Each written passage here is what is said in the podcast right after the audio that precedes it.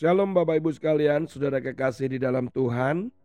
Firman Tuhan diambil hari ini dibaca pada Amsal pasal yang ke-25 ayat yang ke-18. Orang yang bersaksi dusta terhadap sesamanya adalah seperti gada atau pedang atau panah yang tajam. Orang yang bersaksi dusta itu diartikan adalah fitnah. Dan konteks pada ayat ini sebenarnya sinkron pada 10 perintah Allah pada perintah yang ke-9. Walaupun setelah diteliti oleh beberapa penafsir kitab, sebenarnya ayat ini konteksnya adalah kejadian di pengadilan ketika dia bersaksi dan saksinya itu dipelintir semedikian rupa sehingga itu bisa memberatkan pada si terdakwa.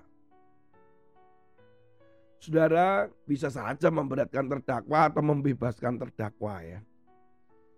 Saudara kasih dalam Tuhan, sementara saya melakukan recording malam ini, sebenarnya Indonesia sedang lagi fokus, banyak orang fokus melihat persidangan pembunuhan berencana yang dilakukan oleh salah satu petinggi Polri.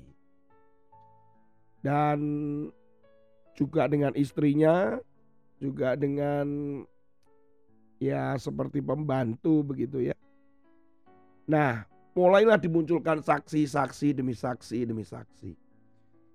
Beberapa hari yang lalu ditampilkanlah saksi asisten rumah tangga dari pembunuh, ya artinya pembunuh. Dan ketika ditanya-tanya oleh hakim, kemudian penuntut ya, jadi ditanyain, ternyata sepertinya dia melakukan kebohongan demi kebohongan. Sehingga hakim mengatakan, ya begini ini kesulitannya kalau settingan katanya. Sudah ngomong aja jujur. Kamu ini disumpah, Anda disumpah. Kemudian mulailah percakapan itu berganti, berganti, berganti. Jawabannya kadang nggak sinkron dan sebagainya. Sementara sebenarnya manusia itu kalau diulang-ulang pertanyaannya untuk menjawab kalau dia bohong. Itu akan terbongkar pada menit-menit setelah 20 menit. Berarti pada dasarnya manusia itu jujur ya sebenarnya ya. Oleh karena itu kenapa ketika ada di mana uh, di penulisan penggalian berita acara cukup lama biasanya. Ditanya, diulang, tanya, diulang. Saudara kekasih, Bapak Ibu sekalian, jangan memfitnah orang. Kalau nggak lihat, katakan nggak lihat. Kalau memang tidak tahu, katakan tidak tahu. Saya ketika diperintahkan oleh perusahaan beberapa tahun yang lalu, ketika saya masih menjadi HRD, ya, perusahaan cuma bilang gini, tugasmu adalah memecat seseorang. Ini yang harus kamu pecat. Loh kesalahannya apa? Saya bilang. Udah pokoknya sudah ditemukan kesalahannya. Yaitu adanya ditemukan puntung rokok di kamar mandi karyawan di toilet karyawan. Terus saya tanya, nah itu kan apakah dia yang merokok atau bukan? Karena di tempat kami bekerja waktu itu, karena kami uh, chemical industry, jadi merokok dan alat-alat safety itu apabila dilanggar itu sanksinya berat, pecat memang, PHK.